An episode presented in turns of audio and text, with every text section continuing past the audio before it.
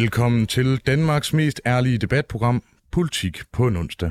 Her inviterer vi hver eneste uge spændende gæster til politisk debat uden spin og fastlåste politiske positioner. Og hvis du forventer neutrale værter, så er det altså det forkerte sted, du lytter med. Ja, for mit navn er Simon Fendinge. Jeg er landsformand for Liberal Alliances Ungdom, Aarhusianer og Danmarksmester i debat. Ja, og jeg hedder Nicoline Prehn, og jeg er medlem af DSU, og så er jeg folketingskandidat for Socialdemokratiet. Og den næste time, så kommer vi til at vende nogle af ugens vigtigste politiske historier med skarpe gæster. I dag skal vi ud i noget vaskeægte københavneri, som har overtaget mediebilledet flere steder, nemlig forslaget om at lukke udserveringen efter 22 på hverdage i Københavns Kommune. Ja, og til at vende det, der øh, får vi besøg af tre skarpe gæster. Kun den ene af dem er med i studiet, og så har vi altså to med over telefon. Øh, og det er dig, Niels Peder Ravn, medlem af borgerrepræsentationen i København for Konservativ. Velkommen til. Tusind tak. Og med på en telefon, der har vi også Jens Christian Lytken. Du er beskæftigelses- og integrationsborgmester i København for Venstre. Øh, kan, du, øh, kan du høre os herindefra? Ja, I øh, går fint igennem. Ja, men det er fremragende. Du har altså også en, øh, en linje, som altså lyder noget så sprød. Øh, det er godt, for i Københavns Kommune har dele af Teknik- og Miljøudvalget, et snævert flertal, tror jeg det bliver beskrevet i medierne, præsenteret et forslag, der skal gøre det forbudt at lave udservering søndag til torsdag efter kl. 22 med undtagelse af nogle mindre zoner.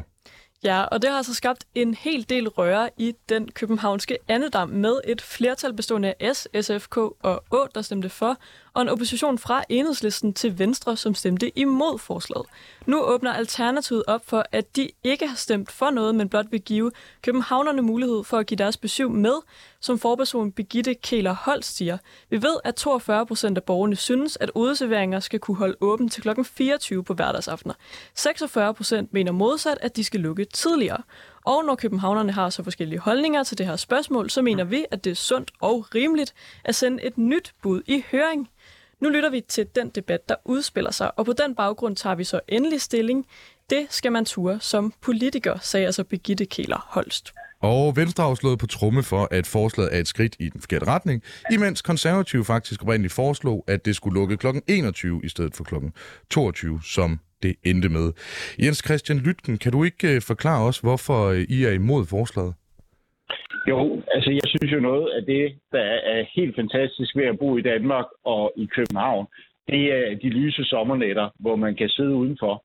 Øh, og det er jo lige præcis det her, øh, det her forslag sætter en stopper for. Altså det her med, at man kan sidde udenfor, solen stadigvæk skinner, det er varmt, øh, og man kan få en fadøl eller et glas rosé. Det stopper nu her, fordi nu skal serveringen så slut kl. 22, og i praksis så bliver det tidligere. Jeg synes, de regler, vi har nu, hvor det er kl. 24, er, er rigtig fint. Øhm, og så må man jo se på de steder, hvor det ikke fungerer det her, så skal man jo håndhæve lovgivningen. Men at tro, at man kan fjerne problemer med larm i indre by ved at, at stoppe på udservering, det er simpelthen et fatamorgana. Det er nogle andre ting, som skaber problemerne. Det er jo blandt andet de steder, hvor, hvor folk de sidder og drikker øh, ting, som de har købt i 7-Eleven eller i, i Netto, og så holder en fest i gaden. Det skaber larm. Men folk, der sidder ved café, cafébord og drikker en fadøl eller et glas rosé, det er jo ikke det, der holder københavnerne vågne om natten. Det er helt andre ting, øh, og det er der, vi skal sætte ind. Og der har vi sådan set også nogle, nogle forslag på hylderne i Venstre, som man kunne vælge at bruge, øh, og som vi faktisk også får mulighed for at bruge nu. For eksempel, at vi må oprette et kommunal vægterkorps, eller politi- kommunal politikorps, eller hvad man nu må kalde det, som netop kunne sørge for at håndhæve de her ting her, som politiet ikke har, har, har, har mulighed for at håndhæve. Man tror, man kan fjerne problemerne ved at stoppe for udservering. Det tror jeg faktisk gør det meget værre. Fordi så køber folk øh, en ramøl eller en flaske rosé i 7 og så sidder de og drikker den ude på gaden. Og det skaber larm, fordi så er det uden for enhver form for kontrol. Ja, og Jens Christian Lytten, øh, du hænger bare på øh, på telefonlinjen, så vender vi tilbage til dig lige om lidt. Vi kunne måske godt tænke os at få uddybet nogle af de forslag, øh, som I i stedet kommer med. Jeg kunne godt tænke mig så at høre dig, Niels Peder Ravn. Du er jo medlem af borgerrepræsentationen i København for Konservativ, mm-hmm. som jo altså er et af de partier, der har været med til at stille og stemme for det her forslag. Er du ikke bange for, at, øh, at et forbud mod udeservering i hverdagen efter kl. 22, det fører til det her, som Jens Christian Lytten siger, at han er nervøs for, at, at man så i stedet for køber sin, sit alkohol, for eksempel i 7-Eleven, og sætter sig ud på gaden og alligevel er udenfor og drikker, men at det så måske bliver på en, en mindre civiliseret måde, end hvis man sidder på en udeservering. Altså, hvis vi antager, at de mennesker, som sidder og nyder et glas øh, kølig Chablis på en, øh, på en udservering, og så øh, de bliver bedt om at fjerne sig kl. 22, så tror jeg ikke, at det er de samme mennesker, som far hen og køber en ram cold shaker i den nærmeste 7-Eleven, og så slår sig ned på, på nærmeste springvand, og så sidder og fester der. Så derfor er det simpelthen en falsk præmis. Altså, det, som er sagen her, det er jo, at vi har en by, som har udviklet sig meget inden for de seneste 20 år. Det hele starter, vi bliver nødt til at have noget historie med på denne her. Det hele starter jo i 2006, hvor Claus Bondam som, øh, som borgmester fik indført det, der hedder gang i byen. Og det var godt, for der kom gang i byen. Men det betød også, at, øh, at øh, hvad hedder det, licenser, spirituslicenser og, og natlicenser blev udgivet i rå mængder, altså simpelthen i vildskab. Året efter, der kommer rygeloven. Og rygeloven, den betød jo altså så, at festen, den flyttede ud på gaden. Og som alle ved, så dem, der er bedst til at holde fest, det er rygerne. Og øh, derfor så er det jo altså også dem, der larmer allermest. Det er nummer to. Og så er det rigtigt, så har Jens Christian jo fat i noget med en liberalisering af lukkeloven i 2012, så vidt jeg erindrer. Og oven i det skal vi så lægge, at der i den tid, jeg er gået i byen, jeg startede med at gå i byen i begyndelsen af 1980'erne, der er der også sket det, at vi har fået noget teknologi, som så kan holde os varme undervejs. Og senest er det jo de her meget, meget fine infrarøde lamper, som gør, at man kan sidde selv i frostgrader og sidde og hygge sig udenfor. Så det her er jo en samspilsramt by, som vi har med at gøre. Og som kommunalpolitiker, der mener jeg virkelig, at vi har et ansvar for at sørge for, at København ikke ender som en turistkulisse, ligesom man ser i for eksempel Barcelona eller i Amsterdam, hvor man for øvrigt i Amsterdam er ved at stramme en meget, meget liberal øh, øh, nattelovgivning. Og, og det bliver vi altså også nødt til at se på her. Hvordan er det, vi gør det, sådan at folk rent faktisk kan blive ved med at bo i ikke mindst middelalderbyen. Vi skal huske, at i middelalderbyen, der bor der altså 8.000 mennesker.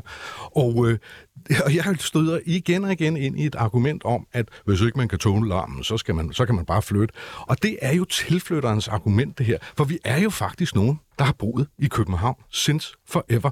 Og, og prøv at høre, vi er jo ikke flyttet til København for at, flytte, eller for at bo i Tivoli. Vi er ikke født og opvokset i København, fordi vi har tænkt os at, at være født og opvokset på, på Dyrhavsbakken. Vi er jo, fordi vi har et hjem, vi har et arbejde, der skal passes, vi har børn, der skal lægges og alt muligt andet. Og det er det, som vi prøver at imødekomme som ansvarlige borgerlige politikere. Nu bliver vi nødt til at se på, hvordan kan beboerne måske få det lidt bedre. Men jeg skal også sige, at jeg er jo enig med Jens Christian i, at vi bør have flere værktøjer på hylderne, og derfor har vi også i det konservative Folkeparti foreslået, at øh, man kunne lave en dispensationsordning, hvor serveringssteder, som ikke er så umiddelbart gene for naboer, de kunne have en længere udsving. Jeg skal også lige sige til Jens Christian, at det er jo ikke sådan, at alle har til klokken 24 dag. Der er rigtig mange, der har til klokken 23, så det betyder i virkeligheden, at de mister en time. Jens Christian, øh, har Niels Peder ikke en pointe i, at øh, man risikerer at, at presse folk ud af øh, byen netop ved at gøre det til, og det er så et Anne-Sophie Allard øh, citat, øh, til Sunny Beach. Altså er der ikke en, en reel pointe i, at Amsterdam er i gang med at trække det tilbage, at altså Barcelona har store udfordringer med det. Er du ikke bange for, at vi er i gang med at skabe en kultur, hvor det bliver svært at bo i København? Men det er jo ikke udserveringen, der gør, at der er noget i København, der kommer til at minde om Sunny Beach. Det er jo, at der for eksempel er for mange 05-bevillinger. Der er jeg sådan set enig med det bedre. Der har nok været et tidspunkt i midten af nullerne, hvor man delte for mange af de her 05-bevillinger ud, og vi har fået for mange steder, øh, som serverer 10 shots for 100 kroner. Den slags steder, som givetvis skaber meget druk, skaber meget larm men det er jo ikke udserveringen, øh, der, der hører ind under den kategori.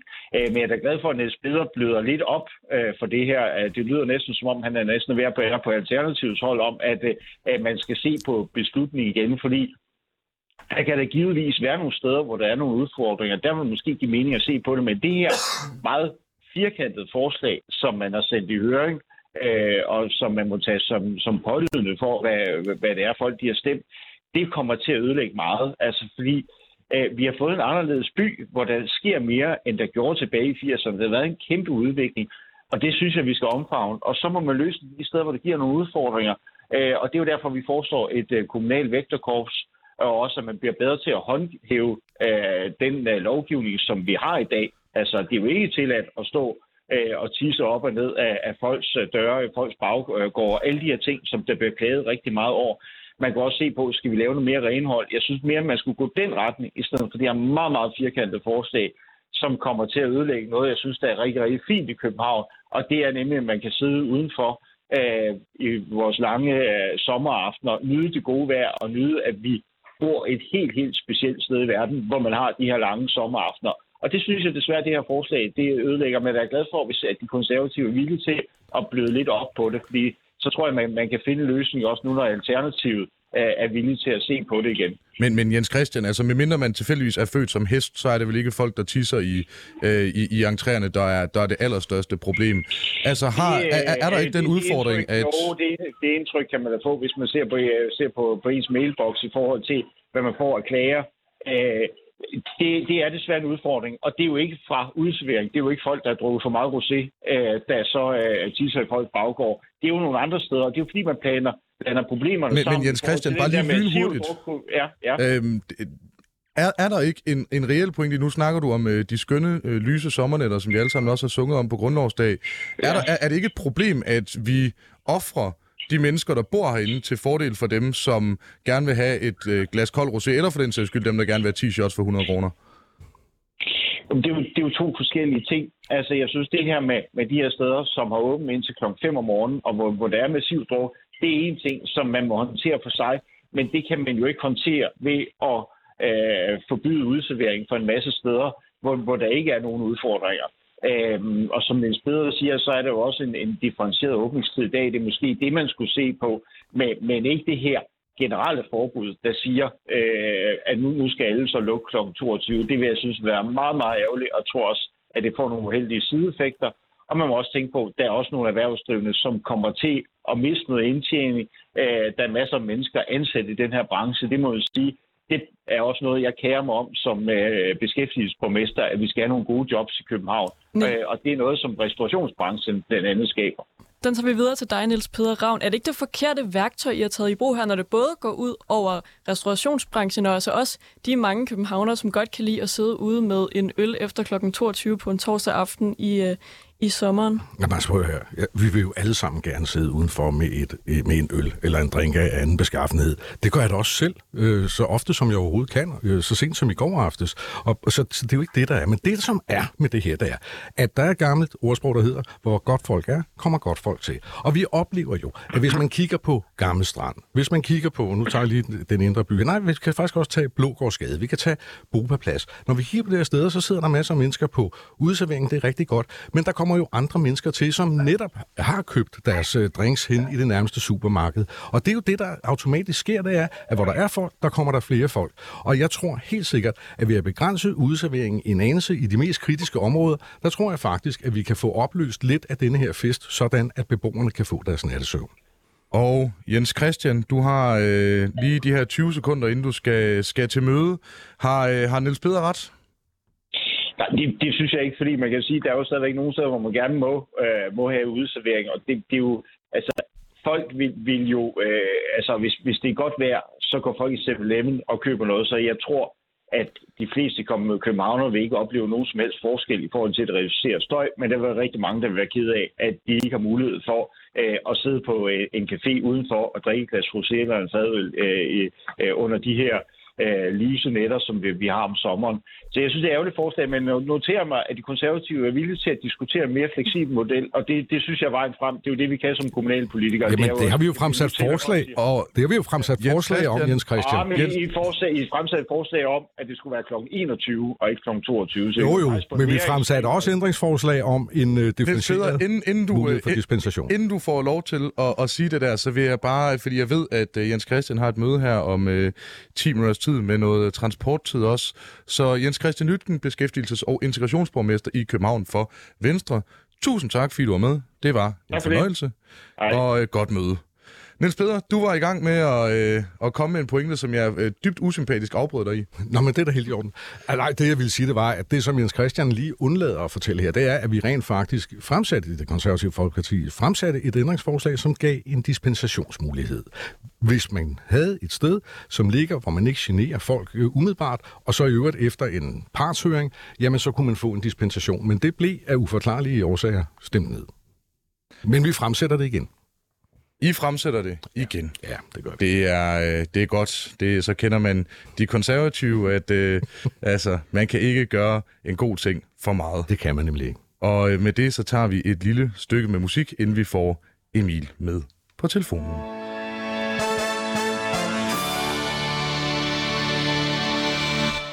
Lytter til Politik på en onsdag med Simon Fendinge og Nicoline Prehn, hvor vi i dag har besøg af dig, Niels Peder Ravn. Du er medlem af borgerrepræsentationen i København for Konservativ.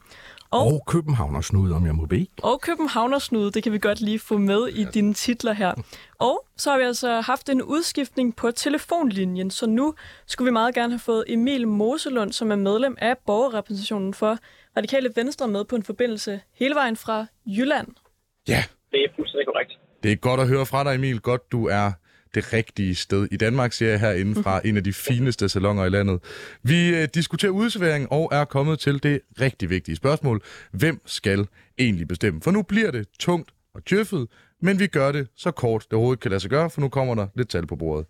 Megafon har gennemført i alt 520 interviews via internettet og 501 interviews via telefon blandt københavnere over 18 år. 46 procent af undersøgelsens respondenter svarer, at de bor tæt på udsværing, og blandt dem svarer 81 procent, at de ser udsværing som noget positivt.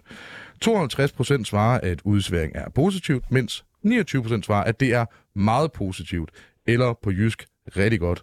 Blot 7% af de adspurgte er negativt stemt over for udsværing. Heraf svarer 4% at udsværing er negativt, mens 2% svarer, at det er meget negativt. Ja, så kom vi også alle sammen i kontakt med vores følelser i dag. Samtidig svarer 50% af undersøgelsens respondenter, at de ikke ser noget dårligt ved udsværing. Men hvem er det så, der har problemet? Drejer det her sig om et højlydt mindretal, der vil have dyre boliger uden bilos og soundbox? Eller er der berørte familier og generationskøbenhavner, der siger over, der siger fra over for stigende støj og gene. Hvad øh, siger du, Niels Peder Ravn? Øh, jeg tror, det er det sidste, jeg vil lige sige. Jeg tror, øh, jeg tror faktisk, at mange af de her selv samme københavnere, de øh, faktisk gerne vil have, måske ikke ligefrem bilos, men i hvert fald biler. For jeg ved, at de har været meget belastet af, af den øh, dispensationsordning, som øh, mange restaurationer i Indre By har haft her de seneste par år på corona, hvor man har inddraget parkeringspladser for så at lave udserveringer. Det er der mange beboere, der har været rigtig træt af. Emil, øh, hvor, hvor står du på, øh, på det her? Skal, skal København være for dem, der bor der? Eller, øh, ja, det er selvfølgelig også lidt øh, karikeret skåret op, men øh, vi har jo kun en time, ikke? Øh, altså, Øh, skal det være for dem, der, der bor her, eller skal det også være for dem, der kommer ind og gerne vil nyde et, øh, et lille glas kold rosé, eller for den sags skyld rødvin, som ikke skal nydes helt lige så koldt? Eller en fadøl, som vi også får i Jylland en gang imellem. øhm, altså, jeg konstaterer i hvert fald, at, øh, at du startede med at spørge, hvilken, hvem, hvilken side jeg er på, og jeg har borgernes side i en sammenhæng. Og det undrer mig virkelig, at de andre partier ikke er på borgernes side, herunder også øh, Niels Ravn, som er en god kollega. Vi har rigtig mange gode samtaler sammen, skal lige præcis. Men, men nu, og jeg er jo ikke så gammel, at, at jeg kan huske 80'erne i København, men mit indtryk er, at 80'erne og 90'erne i København var relativt tidligt. Øh, og det var også dengang, hvor der udservering var en mindre ting. Og jeg ved ikke, om Niels Peder han er den generationsborger, som du snakker om tidligere, som, som, øh, som er dem, som, som er lidt trætte af udservering. Men, men, men han kan jo måske gå over godt komme opklare for mig, for det er udfordringen, jeg forstår. Øh, hvordan at, at, at, man vil gerne vil tilbage til 80'erne og 90'erne tilværelse. Altså, for det første, øh, så synes jeg, det er rart at høre, at du er hjemme i Jylland, Emil. Det er jeg rigtig glad for. Og det er jo interessant, at hver gang jeg skal diskutere det her med nogen, så er det folk, der kommer fra Jylland. Det er jo fuldstændig sindssygt. Kan jeg ikke få lov til at diskutere det her med en københavner på et tidspunkt, måske? Det kan jeg lige prøve at se på til næste program eventuelt. Men der vil jeg godt lide, Niels Peder, hvornår er man københavner? For ja. så vidt jeg ved, så alle dem, du har debatteret det med, bor jo i København ja. lige nu. Så er man vel københavner. Og jeg bor også i København, og har boet i København i fem år, og med en borgermission, så jeg er meget ansvarlig for den københavnske landliv. Øh, ja, altså jeg vil sige, det her med at være københavner er jo, øh, ligesom på så mange andre integrationsområder, jo et, øh, et sindelags spørgsmål, vil jeg kalde det. Og øh, jeg synes jo, det er, er så hyggeligt, at der er rigtig mange altså, ledere. Emil fik øh, over 3.000 stemmer til, til borgerrepræsentationen. Han er også en dygtig mand. Er, er det ikke sådan et, et relativt klart tegn på, at man er sådan okay københavneragtig når jo, men, 3.000. Jo, og det kan selvfølgelig også hænge. Han har måske høstet mange stemmer ude, det som vi københavner kalder Lille Randers, det er Vesterbro, ikke? Altså, det, det, det kan være, det der, det foregår. Det ved jeg ikke, der, det ved Emil sikkert mere om. Det jeg vil, øhm, det, jeg vil sige her, det er, at, at integration er jo, er jo selvfølgelig en, en svær ting, og det kan man også høre fra Jens Christian Lytten, som jo er integrationsborgmester. Det kan man også høre, at han også har det svært ved. Altså prøv nu høre. Jeg forstår godt, at man flytter til København, fordi man godt vil deltage i metropolets pulver rivaliserende liv. 100% sikkert. Man skal bare forstå, at når man så søger til København, fra for eksempel Jylland for at bo her og netop øh, deltage i København, så er vi jo altså nogen, der har været her hele tiden. Øh, måske ovenikøbet er født og opvokset her. Og det kan godt være, at vi har en øh, lidt anden holdning til, hvordan man øh, for eksempel bruger byen i løbet af natten. Og det kan være, det er det, som det hele står og falder. med. nu kigger jeg lige forbi ned i Goddersgade her før. Der så jeg, at den jyske ambassade åbner dernede i løbet af Oh my god, juni måned, og jeg vil sige, at øh, jeg, er meget bekymret, jeg er meget bekymret for godt og skade øh, lige de her dage, øh, bare på, på baggrund af det. Altså, det, jeg vil sige, jeg tror simpelthen, at, at, at der er en forskel på, og man har København helt ind under huden, altså pulsen i København, og så kommer til København. Fordi det er klart, at vi københavner har jo en lidt anden måde at anskue byen på. Og så vil jeg lige aflive en myte, som også er opstået her. Det var, at København skulle være kedelig i 80'erne. Nej, det var det ikke.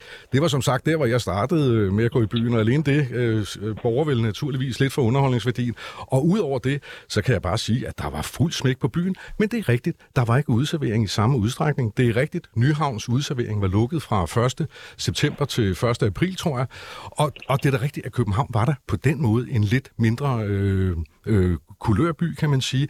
Men det var jo også en by, hvor nattelivet formede sig på en helt anden måde, og hvor der ikke var så mange, der blev generet af det. Jeg synes, det er fedt med udservering, og det siger jeg igen og igen og igen. Og derfor så synes jeg også, at det er vigtigt, at vi finder nogle løsninger, hvor vi dels kan nyde de her lange sommeraftener, som der jo trods alt ikke er så mange af, men de her lange, varme sommeraftener, at vi kan nyde dem netop med et glas fadøl eller rosé, det synes jeg, og jeg gør det selv, som sagt, flere gange om ugen. Jeg elsker det. Men vi bliver jo også bare nødt til at sørge for, at de mennesker, som rent faktisk bor i byerne, og rent faktisk, eller inde i byen, og som rent faktisk sørger for, at den her by har liv, at de også kan være der. Men øh, Niels Peder, bare er ren nysgerrig, for nu snakker vi om, øh, om København i, i 80'erne og 90'erne. Mm. Altså i perioden mellem 1950 og 1990, der er der stort set konsekvent faldende befolkningstal, hvor øh, fra 1990 til 2020, der er det gået stødt op ad bakke over 30 år, og der er kommet næsten 200.000 nye borgere til byen. Tyder det ikke i vid udstrækning på, at, at Emil har en pointe også, at øh, det handler om at gøre det til en øh, sådan vibrant by at bo i, fordi hvis man gerne bare vil bo tæt på vandet, så kan Lundborg jo også ud til, ud til havet, ikke? Jo, det kan du sige. Men, men, øh, men jeg, er der, jeg, jeg er jo helt enig i, at København er der blevet en bedre by på, på de øh, 30-40 år, der er gået. Det er vi helt enige om. Og, og, og, og det er der blevet med, mere kulørt by. Og, og det er klart, at vi, har, vi er blevet mere inspireret af for eksempel Sydeuropa. Det er jo også, fordi vi rejser mere og mere, og det, øh, og det er klart, at det, som vi så oplevede, da vi var på weekend i øh, Firenze i sidste uge, det vil vi så også gerne opleve i, i København. Problemet er bare, at, at florentinerne, for nu bare at blive der, de har en lidt anden måde at, at bruge øh, nattelivet på udenfor, end vi har her i København, fordi der, vi er sgu lidt mere højlytte. Det synes jeg ikke nødvendigvis er forkert. Jeg kan også godt finde på at sidde og råbe og skrige obskure ord. Øh, er, er, er, er skandinaverne men, mere højlytte end de øh, følelsesladede sydeuropæere? Ja, det kan jeg garantere dig for. Vi har i hvert fald en, en anden kultur for at være uden udenfor. Det er jeg et øjeblik i tvivl om. Jeg øh, har i mit lange liv dog rejst ret meget til øh, specielt øh, Barcelona og, øh, og italienske byer, og der er simpelthen bare en anden måde at være ude på dernede. Det er, det er der noget kulturelt i, der går langt tilbage, noget med smalle gader. Man skal ikke kunne høre, hvad man siger om naboen og den slags ting. Så vi har en anden måde at bruge byen på. Det har vi 100%. Det synes jeg lige, vi skal... Lad os lige spørge dig, Emil, om det. Er du ja. enig? Er det fordi, vi i Danmark øh, simpelthen er for højlytte, når vi er udenfor? Vi bliver nødt til at have noget regulering på, hvornår vi må, vi må sidde ude? og lige præcis den årsag, så kommer jeg til min pointe meget hurtigt. For jeg er også bekymret for Goddersgade. Jeg er også bekymret for Nyhavn. Jeg er bekymret for de her partyzoner, hvor vi lige præcis har alle mulige steder, hvor folk tager til, for ligesom at give dem med ekstra, ekstra gas. Hvis vi spredte det meget ud over mere byen, så ville vi have den meget mindre støj, som han snakker om. Vi ville have mulighed for at nyde byen på en anden måde. Vi ville have mulighed for at, at, at, at invitere resten af byen ind til festen. Altså lige nu så taler jeg for det spiller ret meget om, altså der er en rolle, øh, som, som en konservativ dyd gerne vil have rullet tilbage. Jeg ved ikke, hvor langt tilbage der spiller gerne vil have rullet tiden tilbage, som er en konservativ dyd, fordi det her det er altså et spørgsmål om, hvad vi gerne vil have i byen i fremtiden skal være. Mm. Og, og, jeg konstaterer altså, at, at selvom jeg ikke boede 80'erne i København, så øh, har jeg med, har jeg, har jeg kollegaer og venner øh, på Niels Peders alder, som kalder byen røv hammerne kedelig tilbage i 80'erne og 90'erne.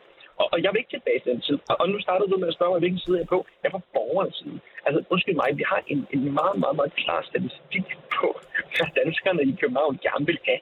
Og det er meget en stor undren, at uh, steder, øh, som er en, en, konservativ, øh, en konservativ type, som gerne vil kæmpe for et erhvervsliv, kan stå inde for en, en 10% eller mindre skares holdning, samtidig med, at han ved, at de, at de 20, at de, de, de, de to tredjedel, som erhvervslivet tjener i løbet af sommeren, tjener det efter kl. 20. Det vil sige, at man tager en decideret indtægtskilde fra erhvervslivet tilbage, Øh, og det synes jeg er jo for galt. Jeg tænker på, at vi kommer ud fra den anden side fra coronakrisen, hvor de har havde udfordringer. Jeg vil ikke være med til at gøre det sværere for erhvervslivet, at, at, at en virksomhed i København. Jeg skal gøre det nemmere. Og det her, det synes jeg jo er en, altså, det er jo en konservativ dyd, som går alt for langt ned. Emil, prøv lige at høre. Jeg er nødt til at sige, det er altså 46 procent, der er skeptiske.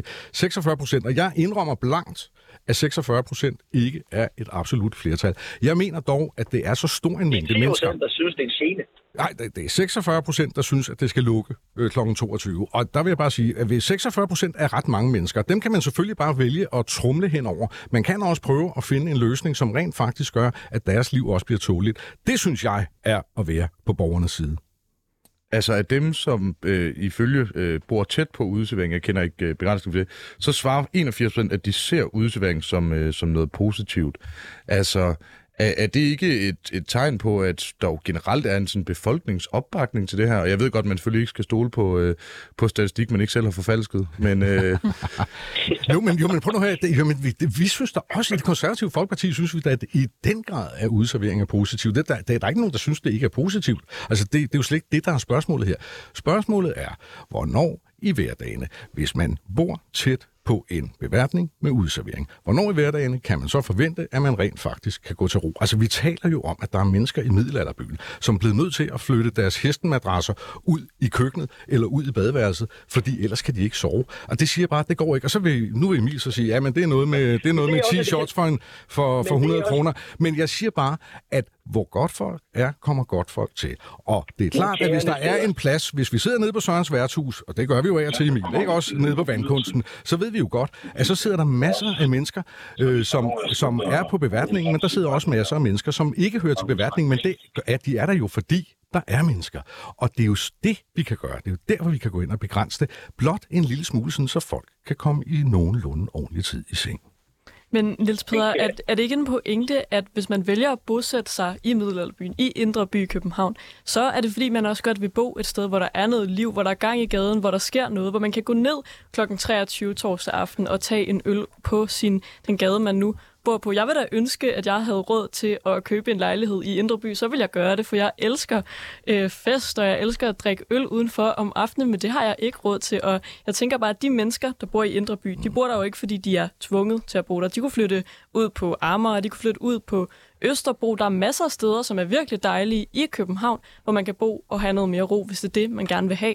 Jo, Nicolene, du bruger jo tilflytterens argument. Fordi du, du, du, du, du går ud, går ud fra, at man, man, man vælger, hvor man gerne vil bo hen. Der er jo folk, der, der har boet her hele tiden. Og hvis man taler med sådan en som, som Søren Rud fra Nørrekvarters beboerforening, han bor inde i Pisseranden, øh, så, så er han, han har boet derinde i 50 år. Og det, som han jo så rent faktisk siger, det er, at det her har taget fart de seneste par år eller tre, altså i forbindelse med covid-nedlukningerne. Der er ligesom om, at, at, at festkulturen, udekulturen har ændret sig ganske radikalt. Og det er det, man hører fra rigtig, rigtig mange mennesker, som bor i nærheden af pladser og stræder, hvor der er udservering. Det er, at, at det er ligesom om, at kulturen har ændret sig. Vi kan jo ikke bare lade tingene løbe amok. Nu ved jeg godt, at, at Emil han er en, en, en blå radikal og meget, meget liberal tænkende, og det, det skal han have alle mulige kutters for. Men jeg siger også bare, at vi kan jo ikke bare lade 46 procent i hvert fald ifølge den her undersøgelse, kan vi jo ikke bare lade 46 procent øh, sejle deres egen sø, og det må det vil selv lave råd med, eller også, som du siger, Nicoline, så må, de jo, så må de flytte på landet. Jeg synes, det er en vanvittig arrogant holdning at have til beboere, som rent faktisk skaber, skaber det rigtige liv i byen, skal vi jo lige huske. Det er jo trods alt mennesker, der bor i et kvarter, som skaber det liv, der Men, bør være. Niels Peder, kan man ikke mene, at det også er en lidt arrogant holdning at ville definere, hvem er de rigtige københavnere? Det er kun dem, der har boet her i flere generationer. Jeg har en af mine rigtig gode veninder, hun bor inde i studiestrædet. Hun er på min alder og, og virkelig glad for at bo der. Hun har valgt med vilje at, at bo i en lejlighed der, fordi hun er glad for at være der, så, så har hun købt en lejlighed det sted. Det er vel fair nok. Det er vel sådan, tingene fungerer. Hvor gammel jo. er din veninde, siden hun har råd til at købe en lejlighed i studiet? Ja, jeg tror, der lige er tale om et forældrekøb. ah, okay. Oh, jeg skulle bare lige have den afklaret. Det er godt at høre. Øh, hvad hedder det? Nej, på det, det er selvfølgelig, er selvfølgelig er det arrogant at bestemme, hvem der er københavner og ikke er københavner. Det er jo også bare for at sætte tingene lidt på spidsen. Det jeg bare siger, det er, at, at det her med at, hvad skal man sige, at have en kærlighed til byen, handler jo ikke kun om at man kan sætte sig med et glas rosé i solen på Gamle Strand på en restaurant. Det handler jo også om at elske de mennesker, som bor i byen, og som rent faktisk har alt muligt lov og ret til at være. Og så handler det om, at vi har en miljølovgivning, øh, som jo rent faktisk forbyder det, man kalder for erhvervsmæssig støj i, øh, i bykerneområdet fra kl. 22 til 07 om morgenen. Og der er det også bare sådan, jeg har det lidt. At der synes jeg, at loven den må gælde for såvel ligusterfascisten som for Storbysnuden. Det må jeg sige. Sådan har jeg det faktisk. Emil, øh, har altså, Niels Peder ikke en, en fornuftig pointe i, altså nu, øh, jeg, jeg skal også øh, varedeklarere, jeg står i en AGF-trøje for at markere meget tydeligt, hvor jeg er fra. Øh, men, men er der ikke et problem i det her, det kan ende i de stærkes ret? Altså, at, øh, at, at vi kommer i hobetal, og, øh, og bare roligt, jeg skal nok lade med til dig med ind under min paraply, men er det ikke et problem, at der kommer en masse mennesker, som måske gerne vil sidde ude til sent, som, øh, som larmer, som måske synes, at t-shirts for 100 er et, er et rigtig godt tilbud, som også fungerer om eksempelvis tirsdagen. Altså, er det, ikke, er det ikke fair nok, at det ikke bare bliver den stærkes ret, hvor det er de mennesker, der larmer mest, der kommer ind i byen og presser helt almindelige mennesker ud af byen, uanset om de har boet der i 5 eller 50 år?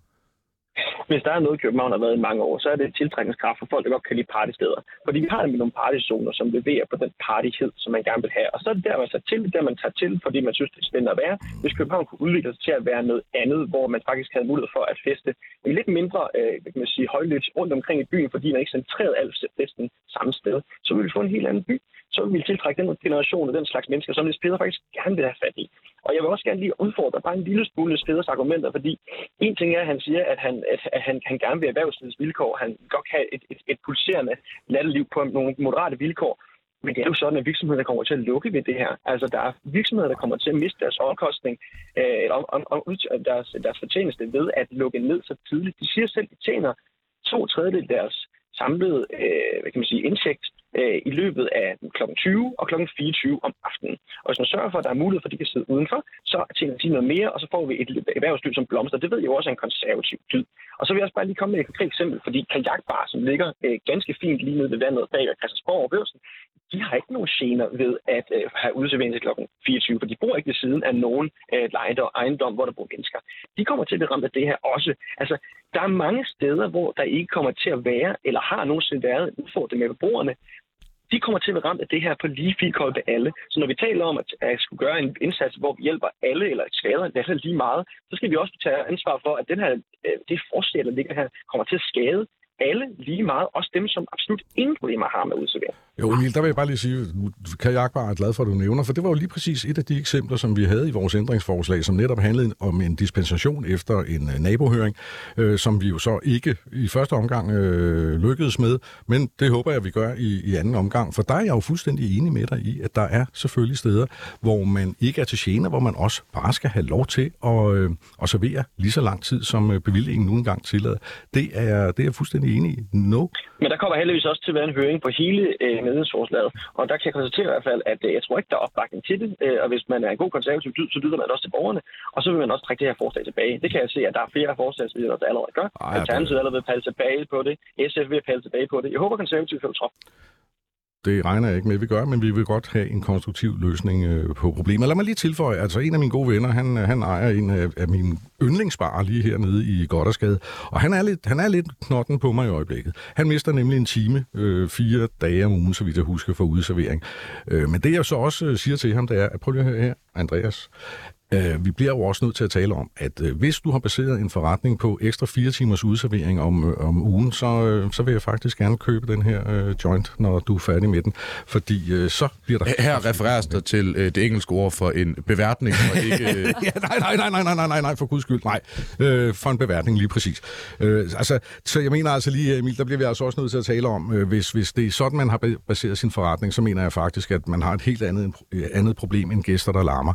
Altså, og jeg siger en gang til, det er jo ikke fordi, det er, fordi, det er jo ikke fordi, vi vil ud, ødelægge nattelivet på nogen måde. Det er jo heller ikke fordi, vi vil lukke nattelivet. Vi siger bare, lad os nu finde en løsning, hvor de beboere, som passer deres liv, passer deres arbejde, passer deres boliger i de zoner, hvor der sker en hel masse, de også kan gøre det i fremtiden. Emil, inden du lige får lov at svare, øh, ja. øh, og øh, det er ikke fordi det her det skal øh, kun handle om erhvervsliv, men jeg er lidt nysgerrig på, øh, Niels Peder, i forhold til det med, jamen, hvis man har baseret sin forretning på det, altså er det ikke fair nok, at man baserer sin forretning på gældende lovgivning, og når der så er noget, der ændrer sig, fordi nogen vil sige, at man kunne lave en analogi til folk, der flytter til, til eller, som bor i København, og så er, der, så er der noget, der ændrer sig. Er det ikke fair nok, at man tilpasser sig efter øh, det oprindelige vedtagende? Naturligvis skal man det, og, øh, og jeg, kan da også, jeg kan da godt forstå, at der er nogle restaurationer, der synes, det er irriterende. Og det er også derfor, jeg siger, at hvis man har et sted, hvor man rent faktisk kan gøre det her, uden at det generer nogen, efter en nabohøring, efter en partshøring,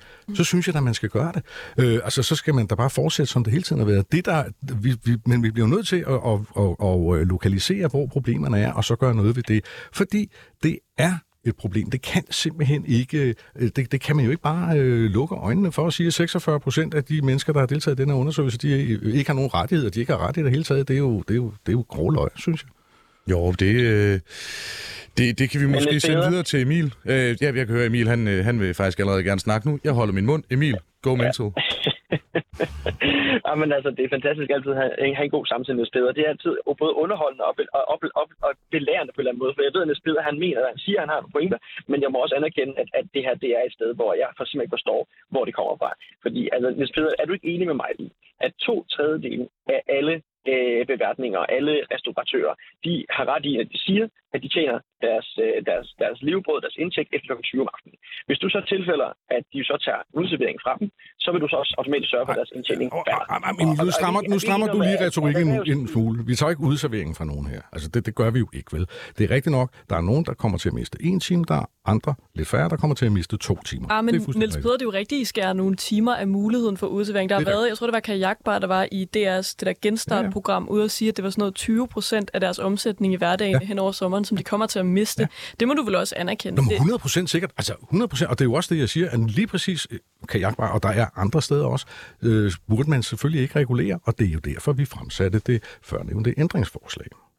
Og med de ord, og simpelthen fordi, at der er en god øh, radiofonisk tradition for, at man lige smider noget musik ind, så folk lige kan hente en kop kaffe, så øh, tager vi en lille skiller og et lille oplæg, så øh, kører vi det sidste kvarter.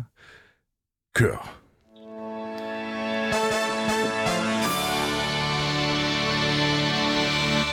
Ja, du lytter til Politik på en onsdag med Simon Fendinge og Nicoline Prehn, hvor vi i dag har besøg af Niels Peder Ravn, som er medlem af borgerrepræsentationen i København for konservativ, og Emil Moselund, som er medlem af samme borgerrepræsentation, men for radikale venstre med på en forbindelse hele vejen fra Jylland.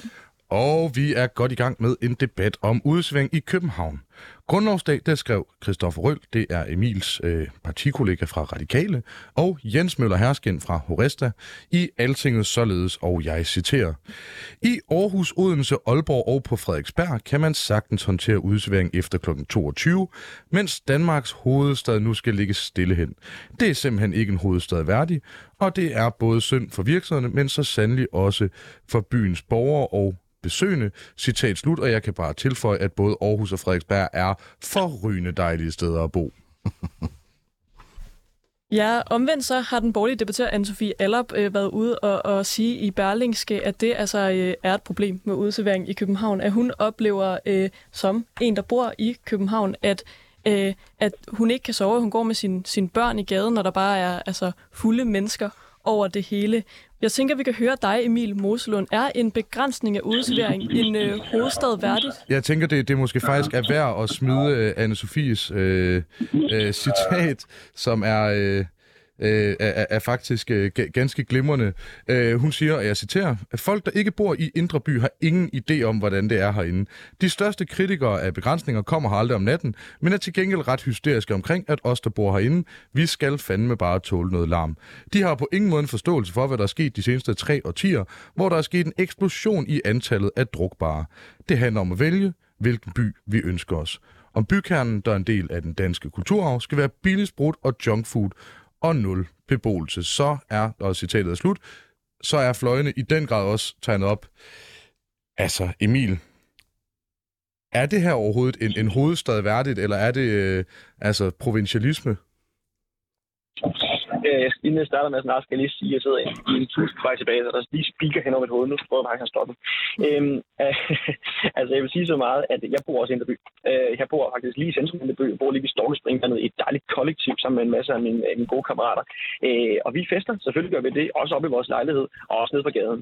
Men jeg oplever faktisk ikke den her scene, som der bliver beskrevet her. Og, og jeg vil sige så meget, at jeg har ikke lyst til at gå tre og 10 bag i København. Simpelthen fordi København for tre år 10, tre og 10 siden var, og jeg var der ikke dengang, men citatet står stadig fast, var røvkedelig. Og jeg er godt klar over, at min, min moddebattør, øh, Niels Peder fra Konservativ, er, af anden overbevisning. Han levede også for tre år siden, modsat mig selv, som, som kun lige er nået til 30 selv. Øh, og, og jeg, jeg undrer mig til stadighed over, hvordan han kunne ønske tilbage til 90'erne. Jeg ved godt, at måske der var noget prime time øh, for mange i hans generation. Er Niels Peder stadig godt ud, til at sige. Jeg kender ham kun er godt. Men, men samtidig så altså, konstaterer jeg altså tørt, at tre år siden, det er der ikke så mange københavner, der er tilbage til. Undtaget åbenbart skal Bent, Niels Peder ham. Men altså, prøv at høre, Emil, jeg beder jo ikke nogen om at, at, at, øh, at tage tre årtier tilbage i tiden. Det gør jeg ikke. Tværtimod, så, træ, så trænger jeg bare til, at vi taler om, hvordan fremtidens København rent faktisk skal være. Og skal fremtidens København, og vi taler jo forholdsvis her om Indre By, hvor der altså bor 55.000 mennesker. Ikke? Også vi taler om Middelalderbyen, hvor der bor 8.000 mennesker, hvor du så er en af dem åbenbart. Og vi bliver nødt til at tale om, om København skal være et, et tivoli, om København simpelthen bare skal give los, eller om vi rent faktisk skal sørge for, at de mennesker, som bor i byen, som rent faktisk er kulturbærende for byen, også kan få lov til at sove i Men, byen. Men Niels Peder, øh, hvorfor kan København ikke klare udservering efter 22, når vi ser, at øh, for eksempel Aarhus og Frederiksberg, de sagtens skal gøre det? Jamen, jeg, jeg tror måske, som jeg lige sådan øh, kort berørte, at der er jo lidt med mængderne her, kan man sige. Ikke også? Altså, som sagt, der er 55.000 beboere alene i Indre By, 8.000 i Middelalderbyen. Det er mange mennesker. Og så er det jo også et, et, et er der måske en, en, øh, en anderledes tiltrækning også fra, øh, fra omegnskommunerne til det københavnske natteliv, måske i, i, i hvert fald i, i mængde en større grad, end øh, der er i, øh, i de andre byer, I nævner. Det er ikke nogen tal, jeg har, men det er bare en formodning, jeg har. Øh, så, så altså, jeg, jeg synes ikke, det er fair, når Emil han siger, at jeg vil skrue tiden tilbage. Det, I hvert fald ikke lige på det her område. Der er mange andre steder, hvor jeg måske godt kunne tænke mig det. Men, men det, jeg, det, jeg synes, vi skal, det er, at vi skal se på, hvad den her by skal være for fremtidens borgere i byen. Altså dem, der bor her. Men det er jo rigtigt nok, at du taler rigtig meget om, hvordan det var i, i 80'erne, og at det var bedre, på trods af, at du siger, du siger, nej, der var ikke nej, så meget nej, gang nej, i den. Nej, jeg siger ikke, det var bedre. Jeg siger bare, at det var en anderledes by, og jeg, jeg prøver bare at perspektivere til den udvikling, som, som er foregået, og som jeg har oplevet på allernærmeste hold. Øh, og jeg bliver altså lige nødt til igen at sige til Emil, at, at øh, København var ikke sporkedelig i 80'erne. Den var, det var en super fed by, også i 80'erne. Det var bare en fattigere by, men en fed by øh, på, en, på en anden måde. Så, altså, en udservering. Nej, men der var jo også udservering dengang. Det var der jo, Emil. Det er jo ikke, det er jo ikke, noget, der er jo ikke noget, din generation har opfundet. Man kan sidde ude på et fortorv med et glas rosé eller et fadøl for fanden. Det har jo været der mere eller mindre hele tiden. Det er bare, der er bare blevet mere af det. Og det er jo lige præcis det der mere, som vi skal se på. Godt, det er godt med mere udservering. Hvordan sørger vi for, at det spiller sammen med de mennesker, der lever i byen? Og jeg synes faktisk, det her er, er værd bare for os at forsvare Niels bedre, at der ikke er, øh, altså, at, at han sådan set er ret konsistent. Øh, jeg citerer fra dit indlæg i Berlingske i dag, som jo et, øh, øh, har en, en helt fantastisk sætning om, hvor folk øh, kommer fra i Jylland, som altså, ja, det er et meget, meget morsomt indlæg. Jeg kan kun øh, anbefale jer at læse det, og der er måske også en pointe i det. Øh, du skriver blandt andet, citat, Jeg startede mit københavnske natliv i begyndelsen af 1980'erne, og guderne skal vide, at fat i 80'ernes København var anderledes, men vi kædede os nu ikke på Montmartres natdisk, Annabelles Daddy's Dance Hall, i øvrigt et fedt navn, Café Sommersko, Klub Privé, Krasnapolski, eller hvor vi i øvrigt valgte at tilbringe vores aftener og nætter. Og med jubiernes tilkomst i midten af 1980'erne tog tingene for alvor fart. Altså, lyder det ikke meget hyggeligt, Emil? Altså, hvorfor skal vi øh, til at spolere noget, der fungerede? Jamen, det er jo det. Vi skal jo ikke spolere noget, der fungerer. Øh, og det er jo det, konservative er i gang med at gøre. De er i gang med at spolere noget, der fungerer. Lad os lige være helt reelt omkring det her. Hvis Peder han sagde, han har sagt tidligere, at han godt kunne tænke sig, at de sydeuropæiske himmelstrøg kommer over København og vi står lidt, mere, lidt mindre, ligesom de gør i Sydeuropa. Det, som Sydeuropa kan, som vi lige pludselig mangler, det er, at vi har mange partyzoner, vi har lidt spredt ud over hele byen i forhold til udservering. Og, og nede, nede i Sydeuropa, hvor man lige præcis har et mindre øh, støjniveau måske, øh, så har man også flere steder, hvor man kan gå hen og få sin øh, tørst slukket, uden nødvendigvis at tage til, hvad der svarer til øh, Goddersgade eller Nyhavn i København. Øh, og det vil jeg rigtig gerne blive til. Det vil jeg gerne have i København. Vi har mulighed for at, at nyde udservering, specielt og roligt mere. Og hvis man sørger for, at partyområderne bliver lidt mindre affolket, og København bliver lidt mere befolket, og andre steder end bare Københavns centrum, også i Vandløse, også i, i, i, i, i, i de områder, som yderne Nørrebro og, og Vest og, og Sydhavn osv., faktisk kommer til at være steder, man har lyst til at til, fordi de har mulighed for at gå ud til til kl. 24. Ja, så sørger vi for, at vi skaber en bedre by for alle. Niels Peder, har Emil ikke en pointe, at det var et alternativt forslag, at der måske kunne løse problemerne faktisk endnu bedre, end det, som I konservative har været med til at stemme for, at man i stedet spreder ligesom øh, udserveringen ud over hele byen, i stedet for at forbyde det på nogle bestemte tidspunkter? Altså, vi er meget åbne for, øh, det er noget, som Jacob Nessager og jeg blandt andet talte om forleden dag, Jacob Nessager, vores politiske leder på Københavns Rådhus, at øh, det kunne være interessant at netop tale om at, øh, at lave forskellige, endnu flere, kan man sige, zoner i byen, hvor der så var for, måske forskellige regler. Og, og det er rigtigt, at så kunne man måske til gode se nogle, øh, nogle restaurationer i nogle dele af byen, som måske ikke er så meget besøgt. Det, der er der et lidt interessant øh, perspektiv i det. Altså, som det ser ud lige nu, der har vi jo sådan set øh, tre, tre zoner i byen. Vi har det, man kalder metro, metro metropolzonen, som jo ligger oppe omkring Tivoli og Axel Torv, så har vi, så har vi Nyhavn, øhm, og så har vi selvfølgelig Kødbyen, hvor der sådan set bare kan blive øh, gået til stålet, øh, hvornår det skal være. Øh, og det er jo ikke særlig mange zoner, kan man sige. Det er, ikke, det er jo, ikke, det er jo ikke, ikke særlig stort, og kan formentlig ikke akkommodere øh, alle dem, som gerne vil øh, gå i byen på den her måde. Øh, jeg vil men jeg vil stadigvæk sige, det er jo også derfor, at vi taler om, at det kunne være dejligt, hvis man kunne give dispensation. Men jeg mener, at udgangspunktet må være, at man som borger i København ved, hvad man har at holde sig til, uanset hvor man bor hen. Det synes jeg må være rimeligt over for de borgere, som, øh, som rent faktisk er her i byen og lever i byen. Emil, øh, ren, øh, ren nysgerrig, nu siger du, at øh, man kunne rykke folk til Yder Nørrebro eller, eller Sydhavn. En ting er, at offentlig transport til, til Sydhavnen, øh, for nogen i hvert fald, kan være lidt øh, problematisk. Men hvis vi nu er, er sådan helt straight med hinanden her, tror du, at hvis der er udservering til klokken 24 på Yder Nørrebro, tror du, det er udserveringen, der gør, at folk ikke tager til Yder Nørrebro for at sidde og øh, hakke fadøl? Jeg er ret sikker på, at det i hvert fald ikke afholdt dem fra at tage ud af Nørrebro, hvis der var udservering, eller Sydhavn, hvis der var udservering. Øh, nu taler du om infrastruktur til de områder. Altså, det er jo noget, vi skal arbejde på, men jeg må også mene, at, øh, at hvis det var sådan, at der var attraktivitet til de områder, så ville der også være politisk momentum til at skabe mere infrastruktur til de områder. Det er jo lige præcis, at den skaber områder, der er øh, i mangel af bedre ord øh, lidt kedelige, øh, så skaber heller ikke så stor incitament til, at folk flytter ud, og dermed heller ikke så stor interesse for at investere i de infrastruktur, der skal gøre, for at folk kommer til. Men, så, men, men, så, men Emil, er det ikke en sådan helt, hvis vi kigger ud i verden, har det globale udsyn, som, som radikale jo øh, slår sig op på, Altså er det ikke en, en sådan et relativt velkendt faktum, at øh, indre byer, uanset i øvrigt næsten hvor det ligger med undtagelse af, af Luca måske, at det er der, hvor folk tager hen, at det er der, hvor attraktionen ligger. Altså er, er, det ikke øh, en, en, en idé, som får det til at lyde som om København kan noget, som ingen andre byer i hele verden kan, og tro, at vi kan rykke folk væk fra bymidten, som er det, der tiltrækker folk på sådan en helt magnetisk fasong? Altså, det er i hvert fald ikke sandt, at alle steder i hele verden, så er det kun centrum, centrum, centrum af byerne, der er livet. Der er mange steder i Paris, i London, i Amsterdam, i, øh, altså, der er rigtig mange steder, hvor det er spredt ud over større områder. Og, og, det er fint, det er større byer. Nu har jeg selv boet i London, det jeg vil sige. Det er ikke fordi, at East Finchley nødvendigvis var, var ramt af, af, af, af sol og glade dage hver, hver tirsdag kl. 24. Jeg tror 100% på, at hvis man sørger for at skabe mere attraktivitet omkring udservering og sørger for at lave en kultur, hvor folk kunne nyde at være ude og nyde tilværelsen, så, og, og, det så var i Sydhavn eller Nordhavn eller whatever, så tror jeg, at folk er interesseret at flytte til. Men jeg har tænkt mig at spørge, stille et spørgsmål her, fordi er han ikke også lidt lille smule observant på Godderskade og Nyhavn? Altså, det er jo de områder, der bor også folk der. De er midt i partyzoner. Øh, kunne det ikke være en idé at sikre, at deres vilkår er bedre?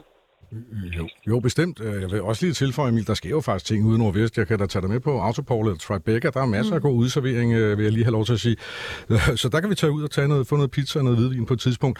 Øh, men gerne, på, gerne, gerne. Ja, det er godt. så så der, der sker jo masser af ting derude i de forskellige kvarterer. Men, men jeg vil lige sige, at, at mit ind, debatindlæg i Berlingerne i dag er jo ikke det eneste, der handler om det her. Der er nemlig en anden herre, som jeg, hvis navn jeg ikke lige nu kan huske, som bor på Indre Nørrebro.